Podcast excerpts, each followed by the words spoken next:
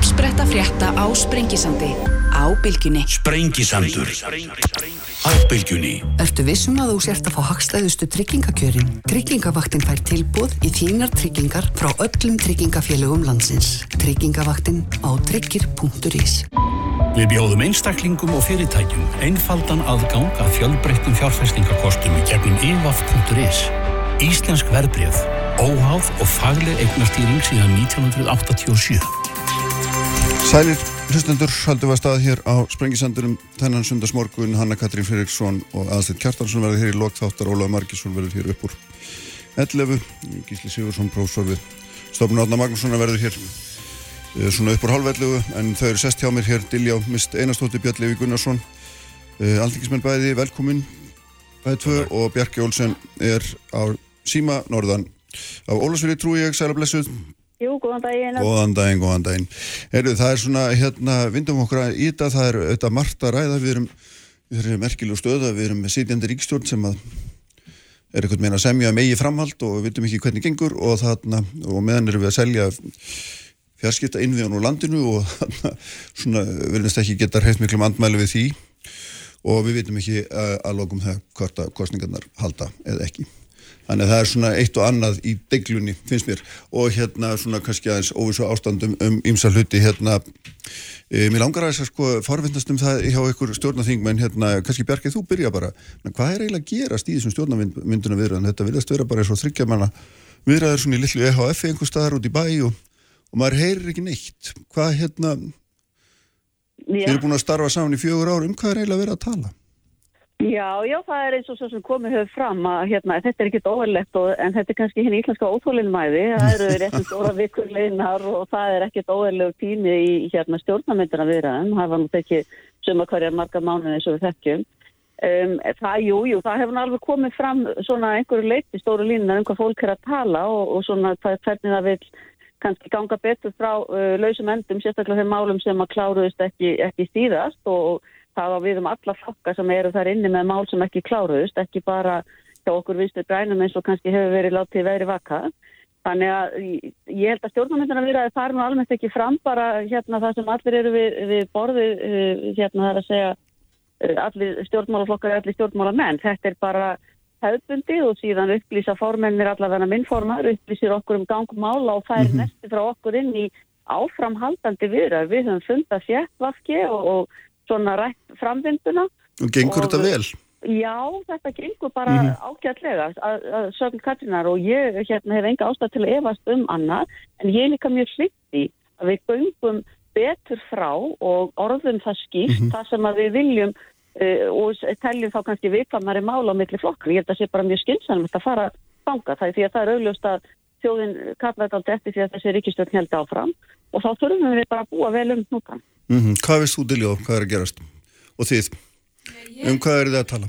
Ég bara tekundi með Bjarki að, hérna, að þessar viðræður gangi bara, bara hægt en mm. öruglega mm -hmm. og það var nú svo sem viðbúið að þetta tæki einhver tíma og ég held að það sé bara betra að, hérna, að gera þetta bara vel.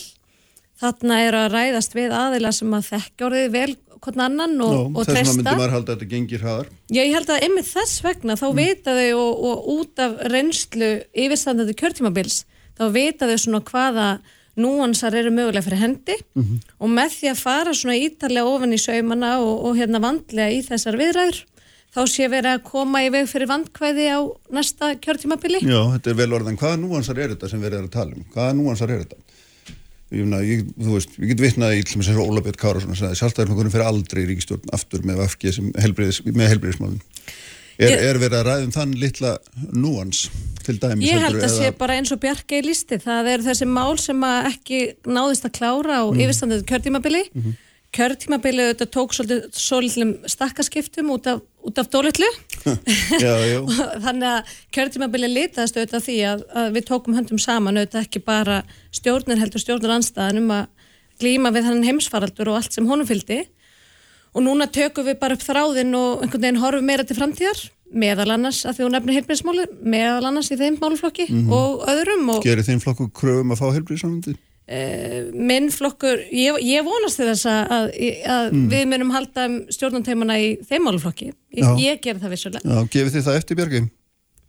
Sko eins og komum við fram og við höfum ekki rætta sérstaklega að uh, ráðanetti en við höfum bara rætta hvernig við myndum vilja ganga frá bæði orðalagi og öðru slíku uh, inn í stjórnarsáttmála varðandi öll mál, hvort sem það eru heilbreyðsmálin, orkumálin eða hvað annað það nú heitir, útlendingamálin, það er eins og ég segi, það er aldrei hort bara til vaffið, það, er- eru þetta fleiri málarnyndir sem að aðri ráþarar eru með líka sem að við viljum uh, hvað við segja, ná betur utanum Nefnd- ég nefndu að okkur eitthvað, nefndu okkur Ég eitthvað. nefndi til dæmis útlendingamálin, ég menna við Já. höfum ekki verið sátt við hvernig þau hafa verið lögð fram og ég held að við þurfum að vanda okkur dálítið þar til dæmis og síðan eru þetta svona, það er bara fullt af öðrum málum sem að kannski koma upp sem að við þurfum líka að, að, að ná svona samstöðum og framöndan eru þetta, við skulum ekki gleyma því vinnumarkasmálin og annars líkt, hvernig ætlum við að fara inn í þau öll sömum. Þetta eru risavakstin mál sem eru framöndan á kjörnjónbilinu, að við held að lífskjörum fólks og, og, og ná saman um það hvernig til dæmis í ríkistjórnin allar að reyna að koma að þeim málum.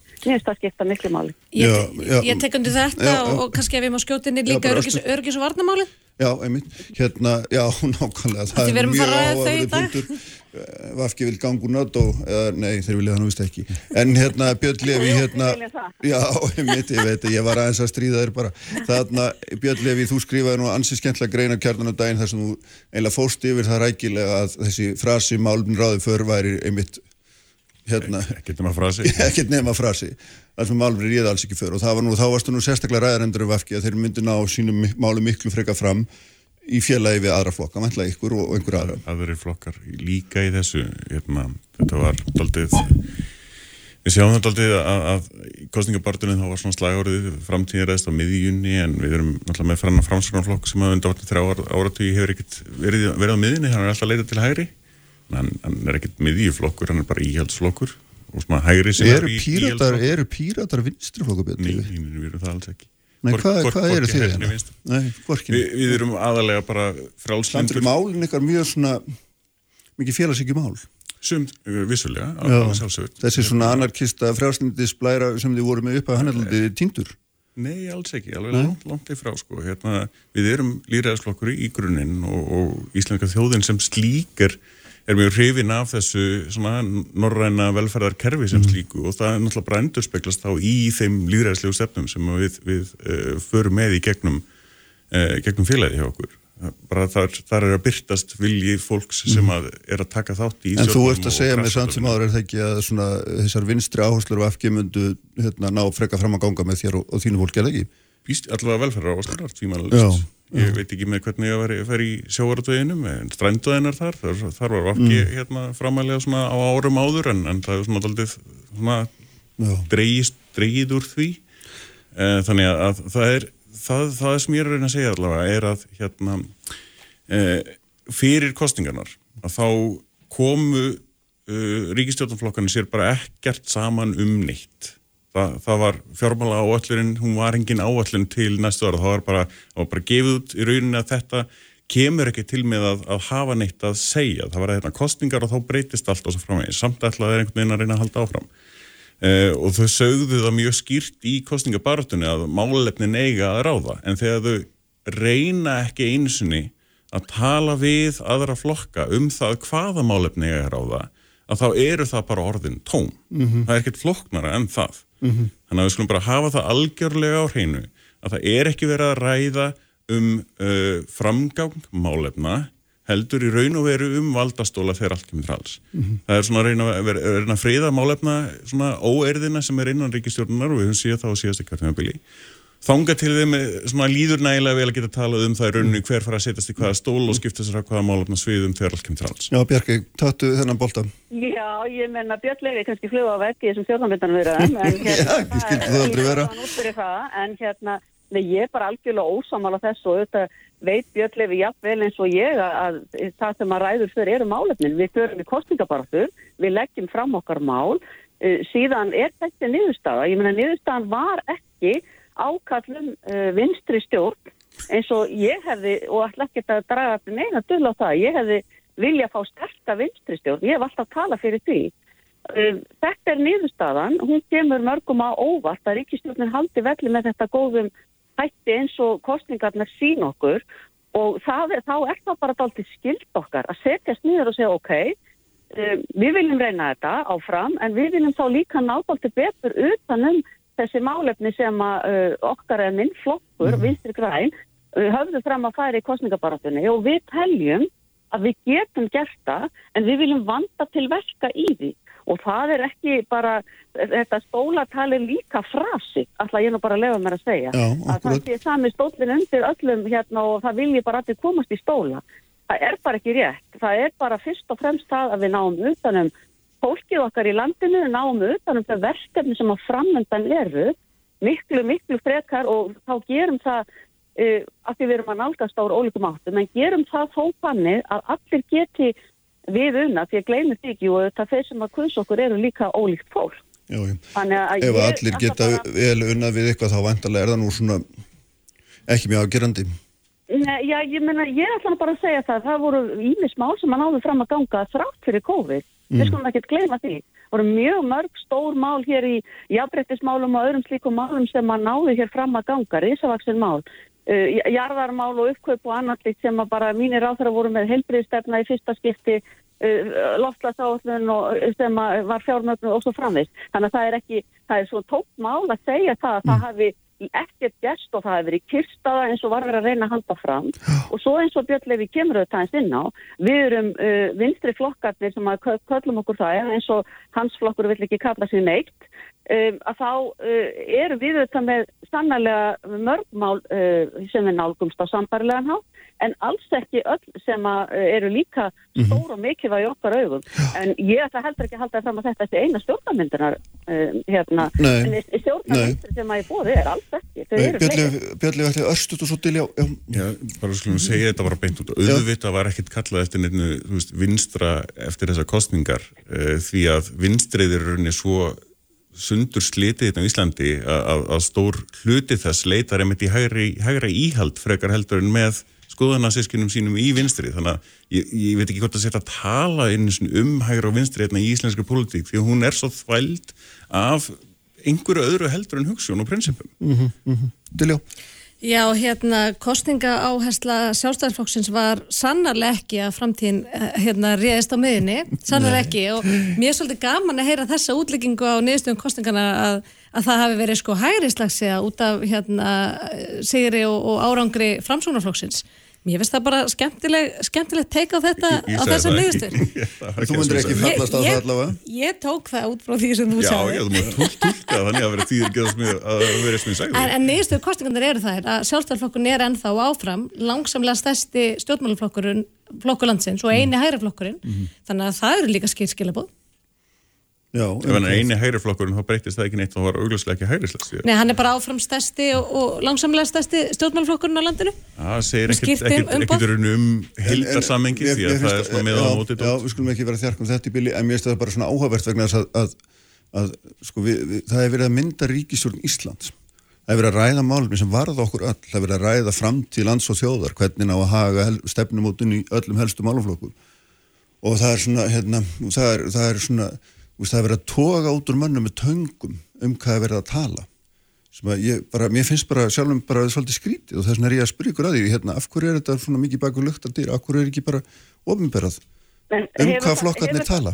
Hefur það verið þannig í gegnum tíðina? uh, Nei, ég, Kristján, nei, að það, að- ég er þá að mæla með betrum bótum á þessu verki. Heyri. Já, já, já, alltaf meira gagsa í stjórnmyndur já, þeirra já, Þegar já, að verið, já, sko, þegar verið eru þegar við ná saman um viðkvæm mála, þá vitum við það líka bara, það er ekki alltaf gott að hafa hérna alla með í því, til stundum þarf einhvern veginn að ná utanum það innan minni hóps til þess að byrja með, síðan tekum við það inn í stærri hóp og svo förum við með það lengra. Það er nú bara eðli máls ekkert bara í stjórnarmyndana við hann heldur bara í svo mörgu sem að þarf að Mhm. ná utanum. Þannig að mér finnst þetta ekki óeðlegt. Ég tel þetta vera íslensku óþreyju og af því við erum svo að kannski að fara í næsta mál hérna varðandi hérna niðurstöðu kostningana og það hérna, sem er gerðist norð, norðvestu kjötami að þá auðvitað má segja það að það er hluti af því líka að fólk getur gefið sér lengri tíma en ella til þess að bara vanda sig í þessu er vegna þess að við getum einhvern veginn ekki klárað hlutina fyrir að uh, niðurstaðan liggur fyrir og það auðvitað ekki Björn Levi sem að situr í þessari nefnd og að, þau hérna, bæðir hendar já, já, þau bæðir endara hérna, þú veist, þetta er eitthvað svona sem að mér finnst að uh, hérna þurfa að líka fyrir áður en að við klárum okkur af einhverju stjórnarmyndana við hann. Já, ég var um til að spyrja Björn Levi hérna fyrir þáttinn hvað hann hefði langan tíma og þau í þessari nefnd og hann, hann held að það veri tíu vikur sem það þýðir nú fram í desember ef að sátt frestur eru fullt nýttur, ég meina við getum ekki beðið svo lengi eftir nýri ríkistjóð, meina hvað, þið sem er í nefndinni, hvað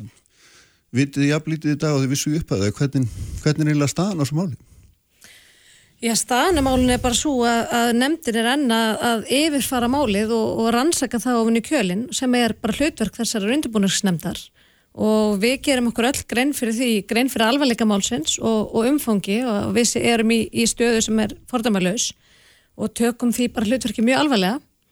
Þannig að það er bara staða málsins. Við erum bara ennþá að yfirfara gögn og upplýsingar og... Sérst, á ég skilja þannig að það er ennþá allt upp á borðum, allt opið eru þið ekki búin að þrengja möguleikana neitt eða Ég lít ekki svo Nú á bara ég aftur lít, spyrja ég anda gagsæðis, hvað er að gera? ég lít svo á að við séum ennþá bara í þeirri vinnu að púsla saman ákveðinni atbyrðarás og atvikum Já, og að við getum ekki hérna byrjað formelt mat á, á þeirri atbyrðarás og atvikum fyrir en að við höfum farið gegnum allar þessar upplýsingar. mhm. Hvað segir þú Björli? Er það langt í að þið náið utan um þetta þá til þess að fara að meta stöðuna eða hvað? Mögulega ekki. Við erum sem sagt að, að rauninni kalla eftir öllum sjónarmiðum sem að veist, vitnum og, og svo framvegis í þessu máli. Og, og við, erum að, við erum ekki búin að fá all- allt það. Þannig að, að það er ekki þetta að byrja rauninni að meta hver er, eh, hvert er umfang þessa máls fyrir en við erum búin að heyra frá öllum. Og svo erum við búin að fá ímislegt sem að veist, kannski stangast á eða eitthvað svo við erum bara að býða eftir ákveðna staðfestingu á því. Þannig að það er ekkert að segja af eða á fyrir en að, að, að, að reyna að staðfesta það og svo ég kannski útskýrið aðeins þessar tíu, vi- tíu vikur að það er kannski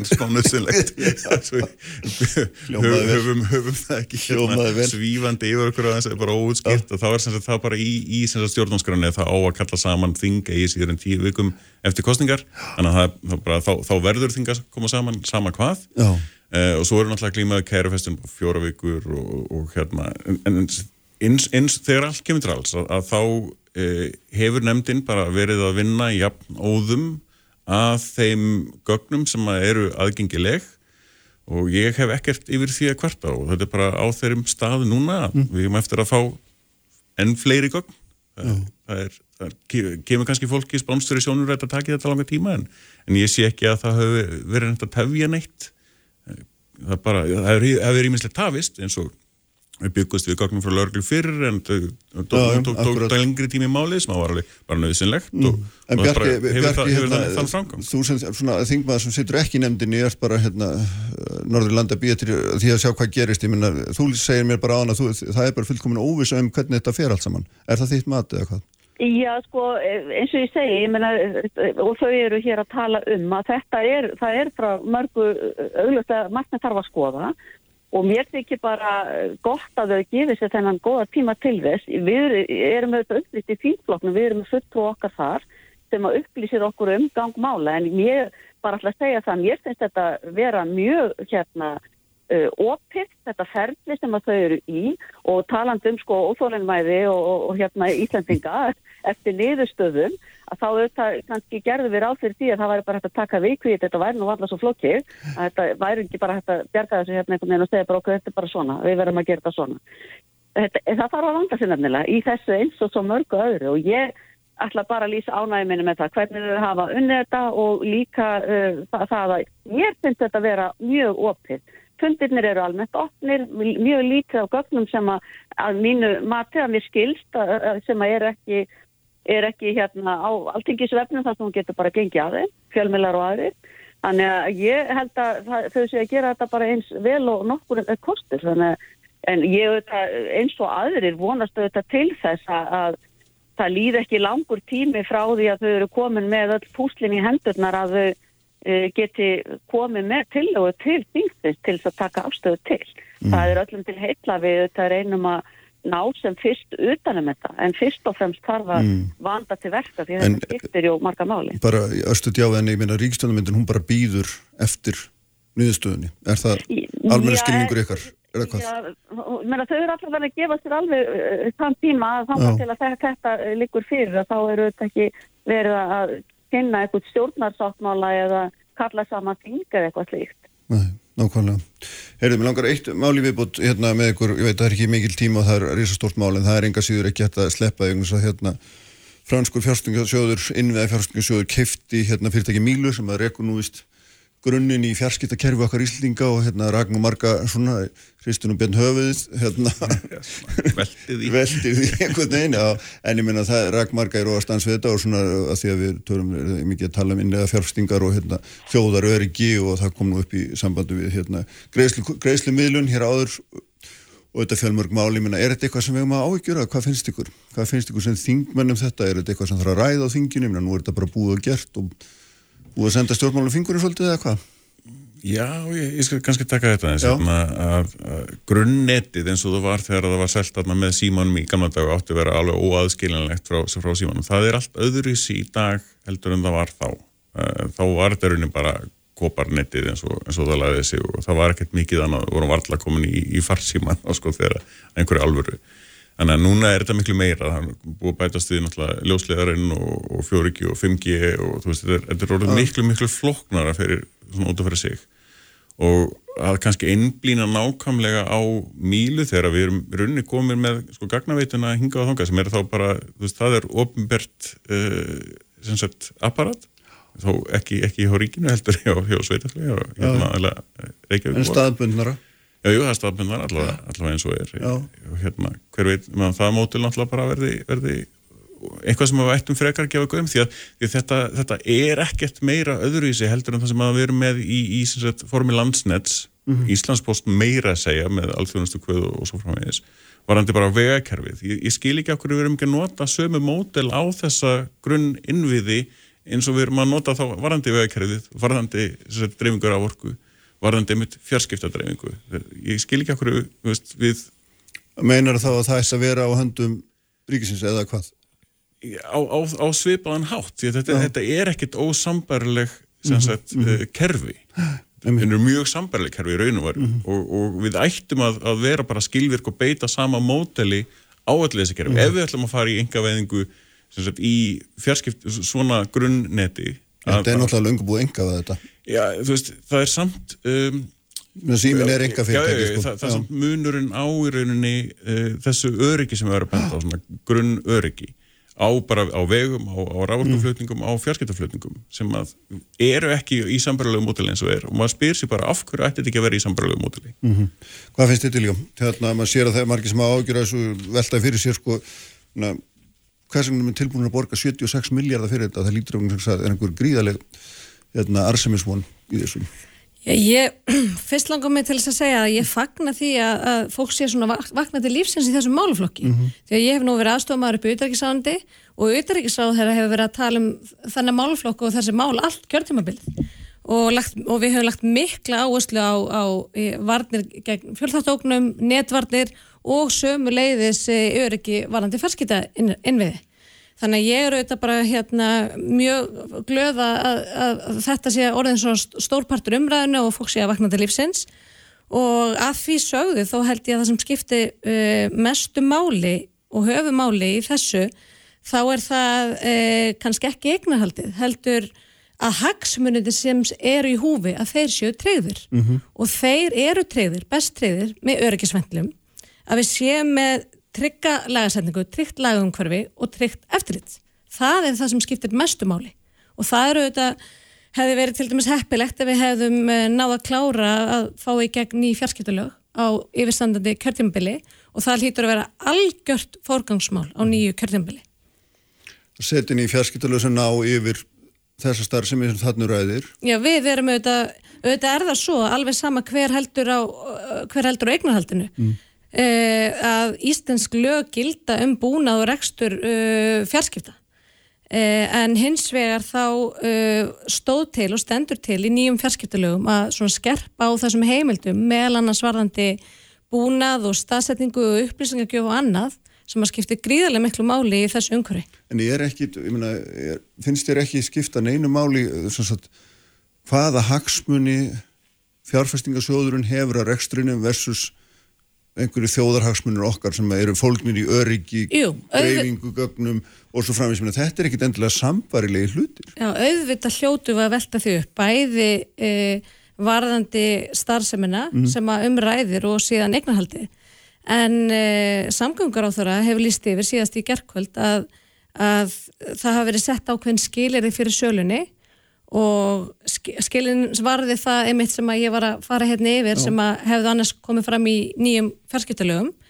Og hann sé mjög bjart sínd um að samkomulega takist um þetta. Og þú Og og treystir því að það, það dugi sem sagt. ég, já, ég, ég hlýt að gera það og, og, hérna, og það er það sem skiptir höfumáli að tryggja þessa hagsmunni Mm Hvað segir þú Bjarkei? Að við Já. byrjuðum að tala um ólíka stefnu nú, nú getum við farið í það aftur hvað segja Já. vinstrimenn um Já, þetta? Nei, ég meina, ég, það, þetta er þetta kjarni málsins að hérna, þetta, sannlega, sko, við vorum á þetta móti þessu sín tíma eins og kunnugt er, mm. græn, uh, að þetta er sett, þetta eru 16 ár, ef ég mann rétt, síðan að uh, síminn var seldur og uh, þá breytið það eins og fólks er búið að gleyma því að þetta er búið að vera í engaræktri, margir hverjir, alltaf einu leiðum að segja. Um, en mikilvægt er að þetta sko verður, hann verður áfram íslensku lögaðili og um það gilda þá þetta, íslensku lög þegar allir búnar allt er í lögsum hér á Íslandi. Við erum komið með lögjöf, uh, góða lögjöf um raunverulega eigendur og mér finnst það skipta gríðarlega miklu máli að það sé alltaf vita hverjir eru eigendur.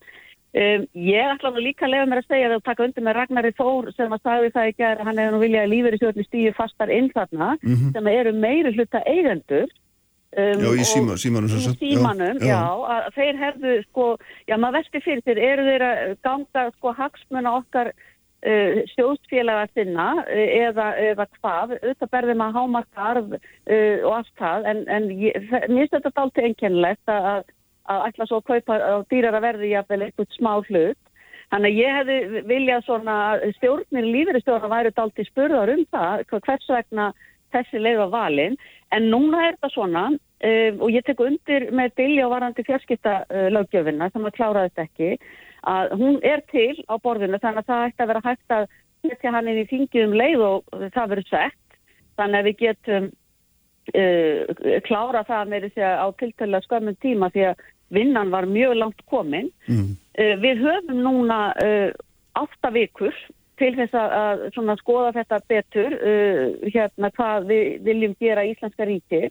Um, þannig að við getum þá tryggt þessa hagsmunni sem að, uh, eins og kom hér fram áðan, sem að eru þetta það sem að skiptir fyrst og síðast máli að öryggi landsins sé tryggt og að uh, við getum auðvitað sett einhverja lögjöf varðandi uh, hækkanir og annars slíkt sem að, að kannski fólk óttast auðvitað dálítið að, að, að þessu verði ekki við haldið og annars slíkt en það er líka auðvitað ankannalegt að ætla að fjárfesta fyrir þó að þessi risavaksin sjóður að ef þú ætla að fara í stóra fjárfestingu og ætla svo ekkert að viðhalda henni að gera neitt við hann mér finnst að þetta væru sérstök sjónamið Það að frekar ósennilegt náttúrulega. Já, já, það þykir mér nú þegar fólk er að, er að halda því fram en þetta er, þetta er viðkvæmt örgismál og við þurfum að tryggja það mjög vel og ég En ert þú, ert þú hérna, fullvissum það að ríkið hafi þau tæki sem þarf til þess að tryggja það að þetta fari eins og við viljum sjálf og þetta, það sé þetta þjóðaröryggi og fjarskiptaöryggi sér tryggt?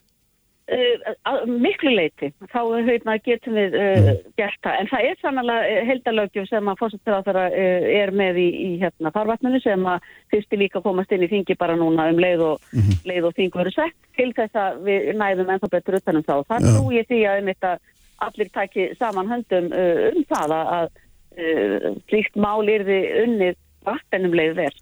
Herðu, Björnleif, þú ætlar að segja eitthvað og ég veit ég þið þurfa að hlaupa hérna bæði tvö. Já, bara örstuð, hérna, já. það er, það oft í svona umræðu þá er talað um annarkvort að þetta verður að vera einhverjastri eða ofnbjörgræstri við, við pýrtar erum duglega að benda á að það getur verið hvort vekja að það er bara að passa rosalega mikið upp á samkeppnuna og einogununa hún sé ekki í Já, staðar. það er líka svona. Herðu, ég held Já, við, já, hvað sérum? Nei, ég segi við eigum Já. öll þess að lögjum fjárfestingu elenda aðila, sko, Já, það er já, líka má ekki einmitt. gleyma því, sko. Nei, nei. að hún er til þó hún sé orðin gömul og þá er hún samt til og svo erum við búin að betra bæta þetta eins og ég segi að, en við þurfum að gera ennþá betur og ég vona að það verði gett bara strax í upphæðu þings. Herðu, Ljómandi Bjarki, takk fyrir að með okkur, Björn Levi, Diljá, takk fyrir að koma. Og hérna, Takk, takk. takk fyrir þetta fróðlega spjall um pólitíkina, Gísli Sigursson, rannsóknarprófessor við stofnun Átna Magnússon að verður hérna eftir augnablik, þá ætlum við að fara einhver 1100 ára aftur í tíman, hvorki meira en minna. Sprengisandur. Á bylgjunni. Frettir þjóðmál og pólitík. Sprengisandur á bylgjunni Sælir aftur hlustundur, uh, haldum áfram hér sem leði leikur, Hanna Katrín Fredriksson og Aðstur Kjartansson verða hér í lok þáttarins. Þá ætlum við fjalla um sjárútvegin, við ætlum fjalla um skýsluna sem Hanna Katrín baðum frá sjárútsráður en fekk eiginlega frá stundinni í úttett aðstæðs Kjartanssonar á því hver, hver umsif sjárútsfyrir tækja þeirra stæstu eru í, í atvinnugreinum í óskildum eða óskildum atvinnurekstri skulum við segja. Uh, Ólafur Markisson, hagfræðingur, dóttur hagfræði verður hérna líka á eftir en sestur í hjá mig Gísli Sigursson sem að er rannsóknprofessor við stofnun Átna Magnússonar, sæli blessaður. Og velkomin. Takk fyrir. Sko nú hérna ætlum við að fara einhver telst mér ekki rétt til einhver 1100 ára aftur í tíman Já, það er nú gott að dvelja það losna á pólitíkin Já, einmitt. En hérna það barst í, í sensat síðustu viku þessi frétt úr uh, vísindatímaritinu Nature að, að, að hérna vísindamenn töldu sig geta tímasett veru norræna manna á nýfundnalandi nákvæmlega upp á ár 10, 1021 er þetta ekki rétt? Jú. og þarna og svona er þetta mikil tíðindi? Get ég, get ég bara spurst að því fyrst? Uh, Já, þetta er mjög skemmtilegt að fá staðfest þarna eitt ártal um að fólk hafi verið að nota uh, játn áhöld við að höggva tré þetta ár á þessum stað þar sem við vitum að fólk frá uh, Íslandi og Grænlandi uh, fór nokkrum sinnum í kringum árið þúsund aðrar tímasetningar hafa verið svona pluss mínus 20 ári kringum árið þúsund sem hafa verið með kolefnisgreiningum þarna, minnst óþarlega mikið gert úr óvissunni í þessari nature grein Já, sem já. ríkt um þetta áður Já. og það er þá út frá uh, fordlega fræðinni og líka þetta eru skálar af sömu gerð og hér voru restir og þjóðveldi söld og, og síðan eru þetta sögurnar okkar sem við hafum mestan áhuga á. Já, já, eða mest ást ég. Já, já, já, já við, og við samanist þar en sko, þess að af því að nákvæmlega eins og þessi grein í Nature, hún einhvern veginn lætur eins og hún sé að staðfesta það að norrænir menn hafi verið þarna þessum tíma en þetta er auðvitað eitthvað sem við erum búin að vita mjög lengi þó við höfum ekki vita nákvæmlega þetta ártal og Já, ég held að hafi sér frekar sko viðtökurnar í fjölmiðlum. Já, góði, eru ok. grein kennum fjölmiðlum við er, greinin, sko, hún kannski gerur óþálega mikið úr óreðinni í tímasetningunni Já. eins og hún hefur verið og svona full lítið úr því að þetta sé einhverja munlegar sögur um þetta. Að, og ég hef nú verið að benda á það að okkar góði fræðmar og hátnastofnun, Ólafur Halldórsson, að hann var búinn að fjalla talsvert um tímatal þessara sagna og vegna þess að þetta er dálítið sérstætt að sögurnar sjálfar, grænlendingasaga og, og Eiríksaga Rauða sem er nú heila bara Guðriðasaga, það er rángnefn að kalla hana Eiríkssögu að þær eru svona ekki alveg samstiga um tímatalið í þessu og kannski ekki heldur svo uppteknar af því, þetta er tengt við kristnibóð Ólafs Tryggvasonar þá í kringum árið þúsund og svo rúla aðrar ferðir í kjálferð á því. Og uh, það má svo tegja það með ymsum hætti og hefur verið gert en ekki alveg svona langt aftur og svo Ólafur, það sem hann gerði var að hann leita á bara fjölskyldu þeirra Guðriðar og Þorfisverkni þetta er mjög vel þekkt fólk og uh, fólk á rítunartímanum þegar verður ferð að skrifa á 12 og 13. öld að það tengir við bara nánast nána ættingja og uh, þessa vesturfara og, og þau eru í hæsta lægi þjóðfélagsins, Karlsefni og hans fjölskylda og afkomendur þeirra eru biskupar og, og aðal fólkið nánast hér á þessum öldum, Haugur Erlendsson sem að skrifar nú elsta handritið af Eiríksögu sem er lögmaður í Nóri rétt um 1300 og, og Hallbera Abbadís á Reynistad sem er erða jörð fjölskyldunar í Skafafyrði og er Abbadís á klaustrinu þarna þegar það stopnað í lok uh, 13. aldar að þau telja og reykja all ætti sínar til Guðriðar og Kalsefnis þannig að þetta hefur verið atriði í menningunni og hjá þessu fólki og það mundi það að, að þarna fór formóður þeirra og forfæðir á þessar slóðir og áherslunar á kristnina og þau eru að bera hana á eistu mörg veraldar og þau geta yfka kristni vegna þess að það er bæði kveiti og vín sem þau geta hengið fyrir sakramenti þannig að það er svona kannski áherslan. Og þegar Ólafur fyrir að skoða alla þessa ætliði og hvernig þetta tengist inn í aðra atbyrju vegna þetta er ekki tilbúnar personur, er sögulegar personur þá uh, álíktaði hann að það verið langt líklegast að Karlsefni og Guðriður hafi verið á ferðinni upp úr 1020 en ekki svona þessum uh, tíu uh, árum fyrr sem að kannski má ætla af sögunum. Já. og þess vegna er þetta aldrei svona skemmtilega beint í mark hjá honum með að við þessa tímasendingu sem þarna er. Þó að það við verðum líka gæta því að það er ekkert í fordleifunum sem segir okkur að fólki sem var þarna hafi heitið Þorfinu Kalsefni og Guðrið Þorbjörndóttir eða Leifur Hefni. Fordleifarnar segja náttúrulega annars konar sögu.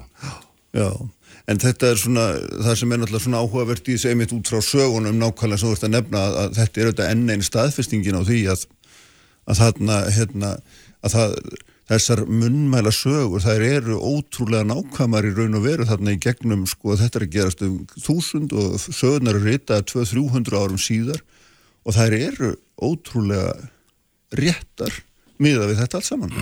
Já, það sem er skemmtilegt einmitt í þessu er að, er að þessi menninga, þetta menningarsamfélag heldur mjög vel utanum sína ættfræði og, og því heldur þurfum ekkert að efast um að hún sé nokkur með rétt minnstu ástu þarna þegar komið er ekki lengra aftur enn um árið þúsund getum við verið að hafa meiri efasemtur hefur komið aftur á nýjundöld og mm. það að komið svona meira upp á goðfræði planið en það er uh, þessi heldarmynd sem sögurnar tekna upp ef við bara tökum personurnar og ástaræfintýrin og vígin og hendirnar út þá er þetta alveg sama mynd og fordlega fræðin er að segja okkur að það byggist hér landið undir lok nýjundaldar og það er fyrst heðni og svo kemur þessi kristni og og, og það, því að skipt upp skipulega eins og landnámagreinir frá og svona þannig að þessi almenna mynd og fólk verði í Grænlands til lók tíundaldar og einmitt finnur meginlandið þar vestur og söður af skamur síðar allt þetta er bara sama mynd og fórlega fræðin segir og sem fólk myndi ennþá á 12. og 13. ald og það mm.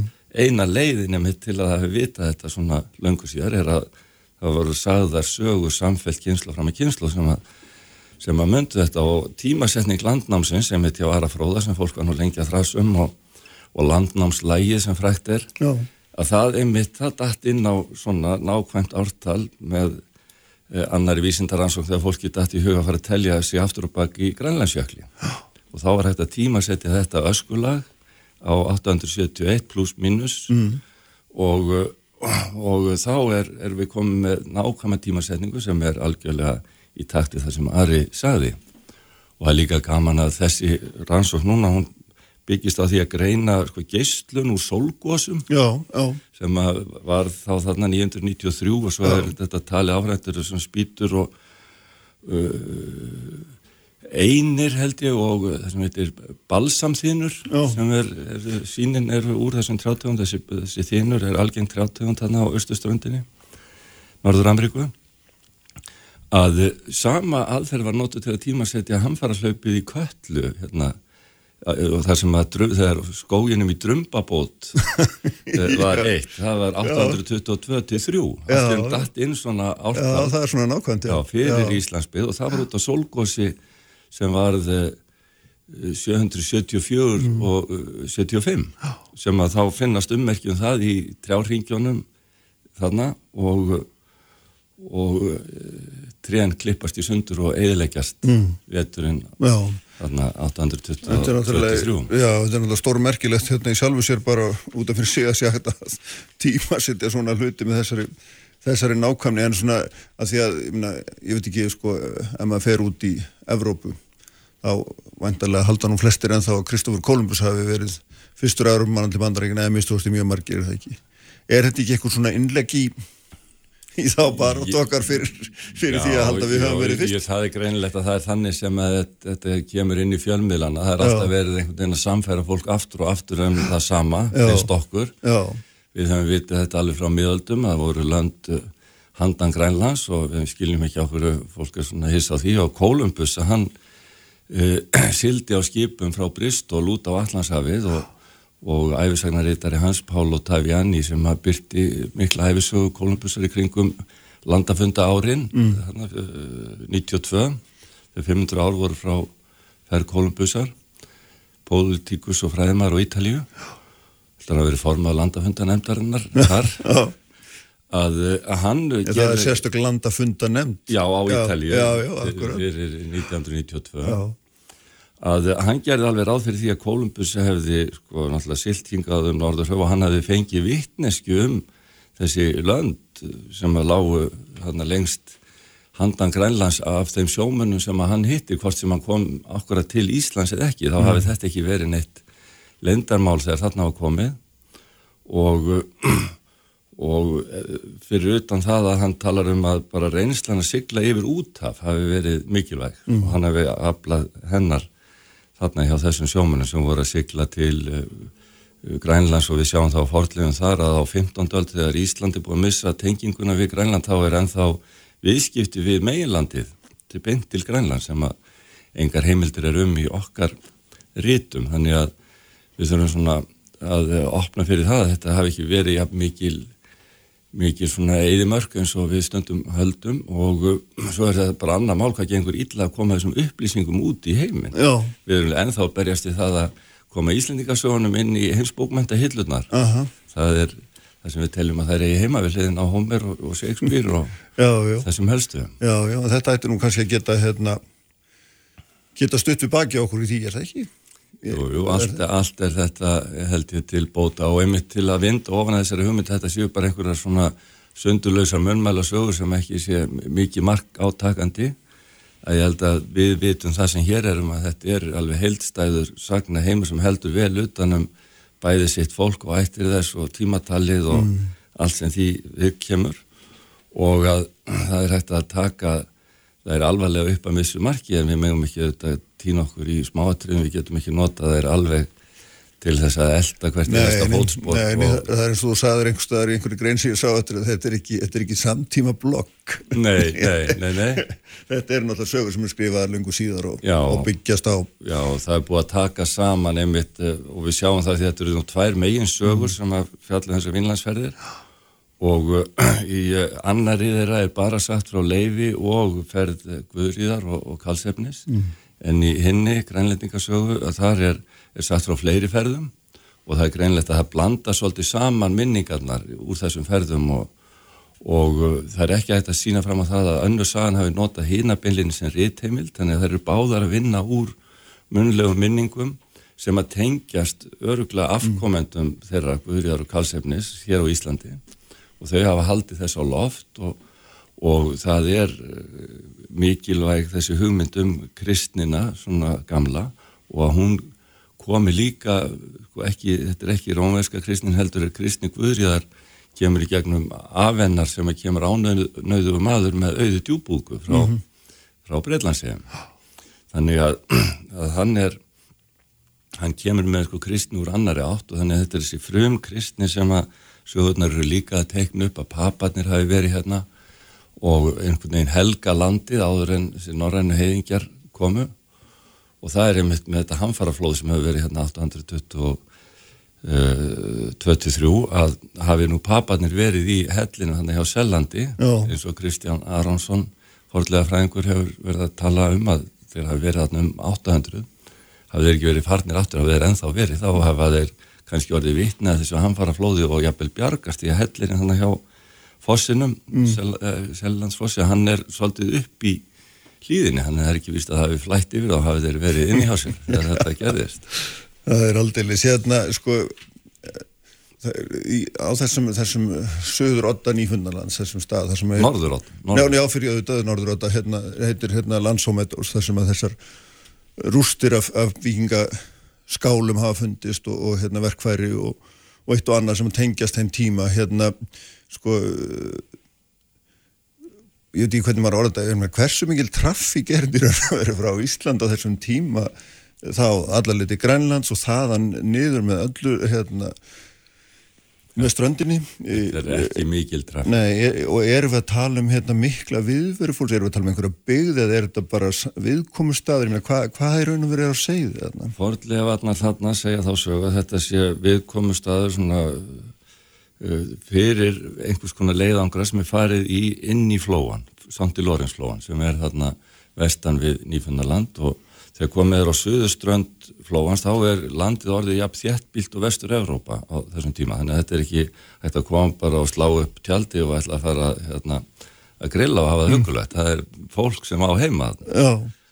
en á norðurtangan í Fennarlands þá er verðist ekki hafi verið byggð innfætra eh, rétt þarna í kringum árið þúsund. Þeir voru þarna áður og voru líka síðar en ekki þarna, að það hefur verið gott að koma sér þarna fyrir, það er auðvelt að finna þennan stað þegar silt er frá Grænlandi og, og það finnast þarna geimslurými í einum skálana og það hafa fundist einmitt þarna sko, trjátegundir og netur sem ekki vaksa á nýfundarlandi heldur þarf að fara alveg á söður strönd uh, flóans til að finna þennan jarðargróður og uh, það er á þeim slóðums líka sem þessi vilti vinnviður vex sem að frakkarnir sem komið þarna 500 mm. árin síðar uh, rúmlega tóku vel eftir og gáðu nöfn sem að voru kent við bakkus og vín og, og svo framvegist uh -huh. þess að, að tjá sko fyrðu sín og undrun yfir þessu mikla, mikla vinnviði sem þarna var. Þannig að það út af fyrir sig gengur ágætlega upp í minningum sagnan og þar eru líka þessar risa lagsveiði ár mér að mitt síða áenn sem er í Njú Bransvik þar sem að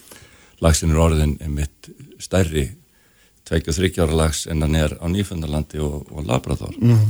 Þannig að svona þessi hugmynd hún gengur alveg upp en þetta voru ekki mörg skip, þetta voru ekki margar ferðir og þetta var geysilega áhættu samt og Já. það er rauninni skilaboð sagnana þú veist að taka úr þessari litlu byggð á Grænlandi sem má nú ekki við að missa sína sko, bestu ungkarla bara í skemmtiferðir og rannsóknarleðangra þeir eru eiga að vera að veiða og skaffa mat fyrir veturinn í norðursettu sem þeir fóru líka norður, norður með Grænlandstrand og ég held að við verðum kannski að lesa sögurnar svolítið þannig, myndi ekki eins og sko, samtíma frásagnar sem við getum verið að elda áheldur, hver eru skilabóðin til fólksins heima, mm -hmm. til fjárfestana sem eru að fjármagna svona leðangra og það eru þrjú skip sem við farið í og þetta er rosalega spennandi og það er hægt að finna skrítna hluti sem hægt er að selja dýruverði þegar maður kemur tilbaka en af þrejum skipum þá máttu rekna með að missa tvö, eitt kemur tilbaka, til ég að fjárfesti í þessu uh -huh. Nei takk, ég, þetta er of mikið láhætt fyrir mig. Já. Ég fæ ekki eins og mannskap á, upp á þessu píti. Nei, nei. Þannig að það er það sem verður þessum ferðum að falli. Þetta er rosalega langt Já. og þetta er rosalega erfitt og það er fullt af innfættu fólki sem á heima þarna fyrir. Þannig að þú getur ekki haft hérna hendi sem eins og við höldum stundum að, að hafi verið hægt. Já. Og þó að þeir hafi haft þessa yfirbyrði að hafa áhöld og það er það sem kemur upp um þess að tre trébúta sem hefur verið að rannsaka núna, það hefur verið átt við á með játni sem að sýnir að það eru norræna fólki sem hefur verið að vinna það en ekki einhverjir aðrir og það finnst líka í þessu norræna samhengi í þessum, í þessum minnjum svo að ég held að þegar og svo bæta, bæta sjóðunar því að þetta við að þeir eru með svona marga kalla saman sem að hanga saman því að þeir eru þarna í nokkur ár í Ó. þessum leiðangurum, leiðangurum þá kemur upp ósætti þeirra á milli, þeir verða ergileir og það vantar konur til að friða það og, og þetta verður bara svona dæmigert hérna, vandamál í útilegu þegar, þegar hún tegist á langin Já, nákvæmlega, en það er nefnilega svolítið merkilegt líka að þarna, það sem hún nefna bæði kostnaðurinn það verið gríðalegur, áhættan mjög mikil bara syklinga áhættan og, og líkurnar á að koma tilbaka náttúrulega hverfandi í raun og veru. Að þetta er svona hérna hvað sá menn einhvern veginn fyrir sig, hvað voru menn að hugsa, hvað rak þá af stað, það vita menn eitthvað um það fyrir utan bara svona einhver eðlislega forvitni eða? Já, það er náttúrulega ekki takt að vita um það, við vitum ekki það er einmitt þetta, það er ekki samtíma sko djúbviðtöl til við fólki sem að stóði í þessu, Nei. það er bara til minningar um sögur sem voru Segðu mig þorfinur hvað vakti fyrir þér? Já, hvað var steinlega spá? Já. En bara ef við sko skoðum þetta almenna minnstur vegna þess að það, eh, að Norður Allandshafið það í rauninni er numið svona smám saman, eigaklassa eh, fyrir eigaklassa mm -hmm. og uh, það er vittneskja um lönd sko handan við alltaf hjá fólki sem kemur sér fyrir eins og bjóða á Orknegjum og Hjallandi, það hefur verið talað um það að fólki sem þar var, það vissi það bara að flugi farfugla að það voru lönd lengra út í hafi en það hafði kannski ekki skipakost til að elda það neitt mm. meira. Svo þegar þú kemur fram á vikingöld, það er með ný tæknim í skipakosti og, og uh, greinilega kallar á lausum og fólk að velta því fyrir sér af hverju var það, voru einhver mistök í útbyrðarpolitíkinni, það er einn kenningin, allt inn uh, að það hefur verið borin út stúlkuböld, það mm. verðist nú vera nokkuð til í því. Og uh, fleiri jafnar vegna þess að fleiri strákar dóu og þetta hefur verið svona jöfnunar ráðstöfun í menningunni svo allt í hennu hætta strákanir að deyja og þá ertu komið með stráka en ekki nóga konumhandlegum mm. og þeir fara í, í þessar ferðir á þessum nýju skipum sem eru búin að þróa. Þetta er einn svona hugmynd um, Mhm. um þetta og, og þá smá saman opnast þessi möguleik að fara sko, kanna þeir finna færegar og, og smá saman verða menn varir við Ísland og svo er fólk búið að vera hér daldinn tíma þá eru farnar að koma sögur að því einhverju hafa tekið eftir landi enn vestar og sjálfsagt má líka hugsa sér að einhverju hafa fylst með gæsónum sem við erum ennþá að Já. fylgjast með sem koma þessa leið. Já, og, og það er þessi saga á minningum Eirík Rauða sem, en það þarf taldi spark í rassin til að fara Já, ekki þá já. óvissu. Já, það bara gerður útlægur og þá færa mannskap með sér og þeir fara á kanna þetta nýja land í þrjú ár eins og sagt er frá því sjálfsagt þetta er einhver svona uppruna sögn og, og minning sem búið er að slípa til að sjálfsögðu. En samt sem áður þá er það það nákvæm könnun sem þetta fólk gerir á þessu nýja landi að sjálfur finnur Eiríkur lang besta landi fyrir sinn söðfjár búskap, þarna í bratta og þar í kring. Og svo líður ekki á löngu þar til að finna í þessar svo kallu vestri byggð skamt frá þessum nú er núk þar inn í fjörðunum finna þeir einu lagsvið ána sem að eh, þessum lagsin hrygnir á Grænlandi. Já, þannig að til þess að finna svona landgæði þá þarf þetta að fara inn og út úr mjög mörgum fjörðum og skoða því vel um og svo finnur þarna loksins lengst eh, norðan við Bratalíð finnur þessi einu, einu hérna, lagsvið á og þá já, hérna ætlum við líka að vera þetta er ótrúlega merkilegt hérna, að þetta er líka svo frumstætt og langt í burtu og hérna, er svo erfitt að ímynda sér hvernig menn eiginlega bara fóru að þessu sko. Já, en þetta eru margar af sögunum um það, hvað þetta var hryllilega erfitt og Já. það er voru að brjóta skipið og, og, og, einmitt, og bara tínast í þessum óbyggðum og þetta er, það er minning um mann sem hafði bara það embætti að fara og reynsa upp líkin í óbyggðunum Já, á, á vorin. Þannig að þetta er, þetta hefur verið eitthvað sem að dró menn áfram, auðgunar von og það er, hefur nú verið talað um til dæmis nákvalstönnina og bara rostungana sem að var mikill peningur í.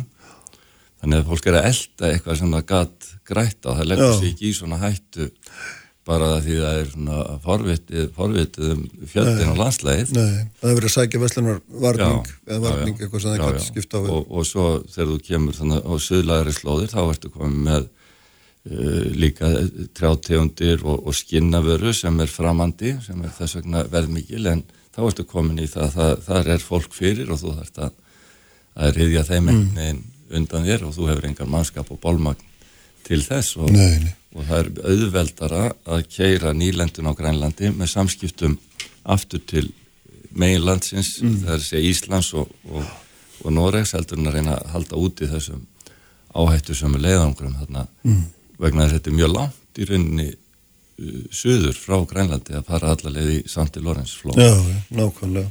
Sko það er svona, hérna, áður við þurfum að fara að slá botni þetta, það er, það er að minnstu að þetta segja þetta er svona kittlar hégóm og gindinu hjá okkur, er það ekki að hérna, þegar að svona fregnir berast og Ég, við erum alltaf ánægð við, við viljum gjarnan vera þau sem að, Við viljum að sögurnar séu í fréttunum Já, og við viljum fá hvert tækifæri að fætur öru til að leiðrétta eh, þann miskilning sem í kringum allt þetta er og, og miskilningurinn þarna er kannski að við höfum ekki vitað þetta fyrr og þetta hefur ekki verið staðfest fyrir. Já, já. Það var staðfest með uppgrefti yngstad hjónana Helga og Annu Stínu á sjönda áratug síðustu aldar að þessar minjar í Lands og Meadows væru eftir norræna menn.